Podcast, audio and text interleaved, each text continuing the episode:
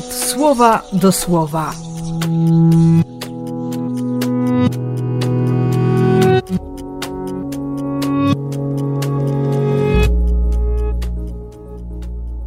Dziewiętnasty stycznia, piątek.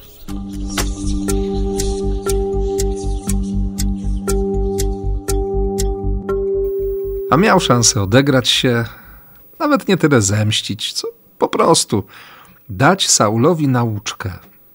A jednak niech mnie broni Pan przed dokonaniem takiego czynu.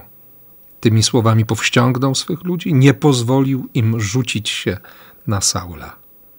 Pomimo faktu, że to Dawid miał objąć panowanie po Saulu, ten, który na pewno nie był wyborem swojego ojca, ani tym bardziej faworytem swoich braci, szanuje tego, który był wyborem Boga.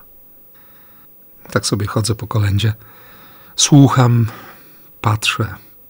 I dzisiejsze słowo, szczególnie to pierwsze czytanie, prowokuje mnie do tego, by, by zajrzeć mocno w swoje serce, by się przyjrzeć sobie i swoim myślom o innych. Czy ich traktuję, czy patrzę na nich, czy szanuję wybór Boga, to, że, że są Bożym pragnieniem, bo żyją, bo zostali wezwani do życia. Bez względu na to, co robią, w jaki sposób to życie wykorzystują. Każdy z nich, tak jak i ja, tak jak i ty, wszyscy jesteśmy wyborem Boga. Czy to będzie Szymon zwany Piotrem, czy jego brat Andrzej, czy synowie Gromu, czy Bartłomiej, czy Judasz. Wszyscy są wyborem Boga.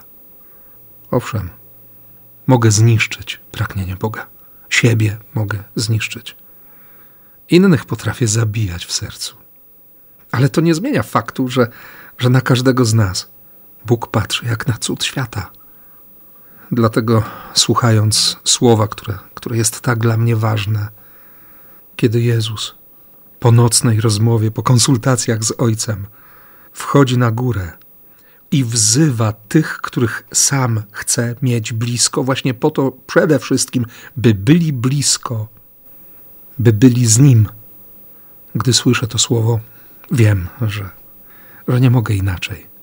Nie mogę inaczej patrzeć, nie mogę inaczej myśleć, jeśli chcę mieć cokolwiek wspólnego z Jezusem.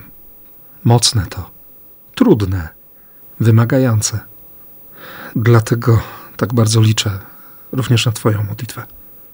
I ze swojej strony też. Jak tylko potrafię, błogosławię Cię w imię Ojca i Syna i Ducha Świętego. Amen.